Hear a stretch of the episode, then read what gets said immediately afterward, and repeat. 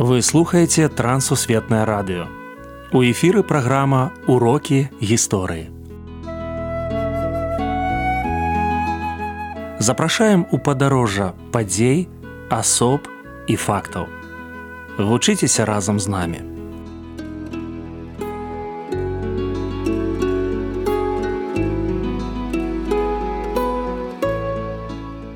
Добры дзень сябры. Ля мікрафона сяржук брышцель і кандыдат гістарычных навук Андрусь унучак тэма нашай сённяшняй размовы апостал навукі прывітанне Андрусь прывітанне сяржук прывітанне шаноўныя слухачы прадстаўце нашага гістарычнага гостця наш гістарычны гость ігнат дамейка.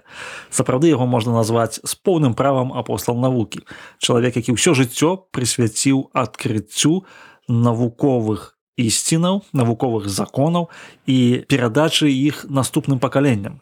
Чалавек які праславіў Беларусь фактычна па ўсім свеце асабліва ў лацінскай Амерыцы у чылі таксама ў францыі ў краінах заходняй Еўропы. Чалавек які быў змагаром за волю і незалежнасць беларусі і чалавек які займаўся вельмі шмат тым што ствараў тую навуковую навучальную сістэму якая была у вялікім княстве літоўскім у беларусі на прасторах і ў культурах іншых краінаў. Таму тут безумоўна унікальная асоба. Чаму ігнату дамейка забаранілі займаць дзяржаўныя пасады і пакідаць межы лідскага павету? Ну пачнем з ягонай біяграфіі ён нарадзіўся ў 1802 годзе. Ён быў чалавекам шляхецкага паходжання у ягонай сям'і многія людзі якія на той момант скажем так былі ягонымі сваякамі Таму што гадаваўся ён без бацькі. Ён бацька рана памёр і гадаваўся ён у дзядзькі свайго пасля ў другога дзядзькі. Ён быў чалавекам падрыхтаваным да таго што яму давядзецца змагацца за волю незалежнасць сваёй краіны. І ўжо ў студэнцкія гады калі ён навучаўся на фізіка-матэматычным факультэце віленскага універсітэта ён уступіў у таварыства філаматаў якія ставілі сваёй мэтай падрыхтаваць падняць адукацыйны ўзровень жыхароў былога вялікага княства літоўскага для вяртання незалежнасці. І у 1823 годзе гэтае таварыства было выкрыта царскімі уладамі і ён апынуўся пад следствам. Ён знаходзіўся у віленскай турме пасля яго выпусцілі пад нагляд паліцыі. І з 1823 до 1829 году ён быў у жубартоўшчыне лідскага павету пад наглядам паліцыі. Як ён апынуўся ў парыжы а потым учылі 1829 год з яго здымаюць паліцыйны нагляд і ён можа свабодна вандраваць. Ён едзе ў варшаву слухае лекцыі яўхіма лялевеля знакамітая гісторыка тагачаснага.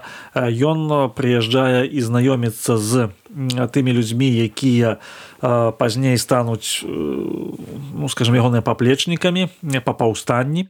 І ў 1830 годзе ён вырашае далучыцца разам з некаторымі сваімі сябрамі да паўстанцкага аддзелу. Ён змагаецца ў войску генерала хлапоўскага бярэ удзел у некаторых бітвах у прыватнасці ў бітве пад шаўлямі і ён апынуўся ў прусіі быў інтэрнаваны разам з паўстанцкімі войскамі праз прусі Прусію, Саксонію ён едзе ў Парыж. У Парыжы французскі ўрад дазволіў не проста жыць былым паўстанцам, але даваў ім заробак адпаведна з тымі вайсковымі чынамі, якія яны мелі ў паўстанцкім войску. І напрыклад, калі ён быў паручнікам, ён атрымліваў заробак паручніка. Францыя на працягу некалькіх гадоў падтрымлівала вось гэтых паўстанцаў нашых з тым, каб яны маглі, ну неяк пражыць на чужыне. Таму што у беларусі на радзіме на іх былі заведзены справы і яны маглі апынуцца нават не то што на катарзе а нават жыццё страціць. Не было ніякай магчымасці вяртання. Такім чынам у францыі ён апынуўся вымушана. А вучылі учылі ён атрымаў запрашэнне і туды паехаў. Перад гэтым конечно скончыў горную школу ў парыжы ён атрымаў выдатную адукацыю і безумоўна ён хацеў яе прымяніць на практыцы ён быў хімікам ён быў горным інжынерам ён быў мінеролагам ён быў чалавекам які ну дасягнуў бліскучых поспехаў і на ўзроўні заходняй Еўропы ён меў вялікія перспектывы але безумоўна чылі на той момант яна толькі стваралася гэта была новая дзяржава і туды запрашалі навукоўцаў з захаду з Еўропы для таго каб стварыць сістэму адукацыі і сістэму навучання і даследаванняў карысных выкапняў. І вось тут са сваёй адукацыі мінеролага і горнага інжынера ён быў вельмі патрэбны як спецыяліст. Яго запрасілі ўпершыню выкладаць у горад какімба а пасля ён пераехаў у сантьяга ды чылі сталіцу гэтай дзяржавы. І там атрымаў нават ганаровае званне гранды адукадор быў рэктарам сантьягскага універсітэту быў чалавекам які зрабіў шэраг адкрыццяў там ад карысных выкапняў да срэбра да мінералаў. Быў чалавекам які даследаваў пустыню горы які фактычна апісаў усю гісторыю які стварыў сістэму універсітэцкай адукацыі. Дзякуючы яму не толькі універсітэцкай але ну, такую стварыў вялікую навучальную акругу. І ў гэтым сэнсе канешне безумоўна чылі для яго стала ну таксама такой ну значнай важнай і прынцыпова істотнай часткай жыцця.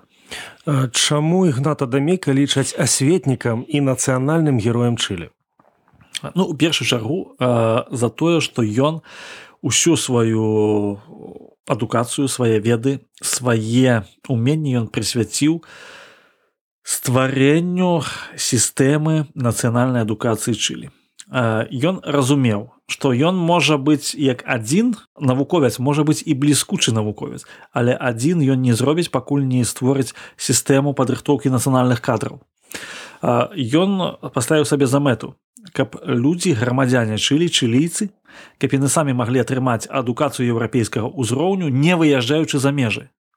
І на працягу десятгоддзяў ён гэта дасягнуў. Гэта здавалася фантастыкай на той момант. Гэта ну была новая ну такая даволі адсталая краіна і абсалютна большасць людзей вымушана была проста ехаць атрымліваць адукацыю за мяжой мала хто вяртаўся і гэта была цэлая праблема. Дзякуючы яму ён зрабіў дакладную копію віленскай навучальнай акругі віленскага універсітэта і гэта спрацавала. І таму конечно гранды адукадор вялікі асветнік. Учылі большага нацыянальнага героя ў сферы адукацыі то хіба і няма да гэтага часу. Прыгадайце калі ласка самы яскравы на ваш погляд прыклад жыцця і гната дамейка Ну самы яскравы это прыклад ягонай веры у мяне была такая асабістая магчымасць сустрэцца з ягонымі нашчадкамі і вось адзін з ягоных праўнукаў якія там жывуць да гэтага часу ўчылі ён казаў што вось я хачу пачаць гэту сустрэчу з бібліі цытаты з бібліі. І кажа мой прапрадзядуля які прыехаў нашу краіну ён прывёз з сабой вось гэту кнігу кніг кожны вечар перад сном ён чытаў нейкі урывак з біблій мяне гэта вельмі моцна кранула я так паглядзеў на ягоную сям'ю сапраўды ён ажаніўся ў такім сталым узросце ўжо 50 гадоў яму было калі ён закахаўся ў 16гадовы вось они туды сатамаёр і яны пражылі з ёй 20 гадоў было у іх пяцёра дзяцей і Гэта сям'я яна базавалася на такім вось падмурку э, слова Божага. Я зразумеў, што ён навуковец ад Бога, пазнаёміўшыся ну, з ягонымі нашчадкамі непасрэдна. Для мяне гэта было найвялікшае ўражанне.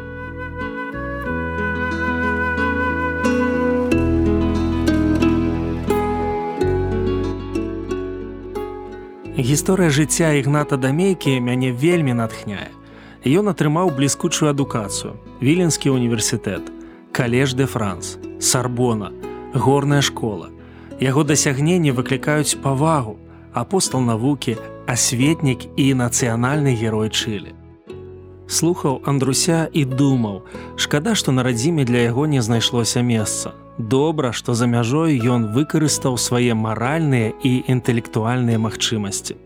А урокам сённяшняй размовы будзе дэвіз ігната і палітавіча, якім ён карыстаўся яшчэ з юнацтва і які зрабіў эпіграфам сваіх мемуараў.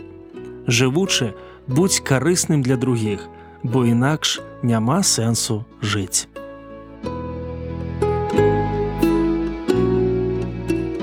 Дзякуй, што далучыліся да нашага праекту. Калі ў вас ёсць пытанні, пішыце калі ласка на адрас. Трансусветнае радыё, урокі гісторыі. Шукайце нас на сайце twr кропка FM. Да новых сустрэч!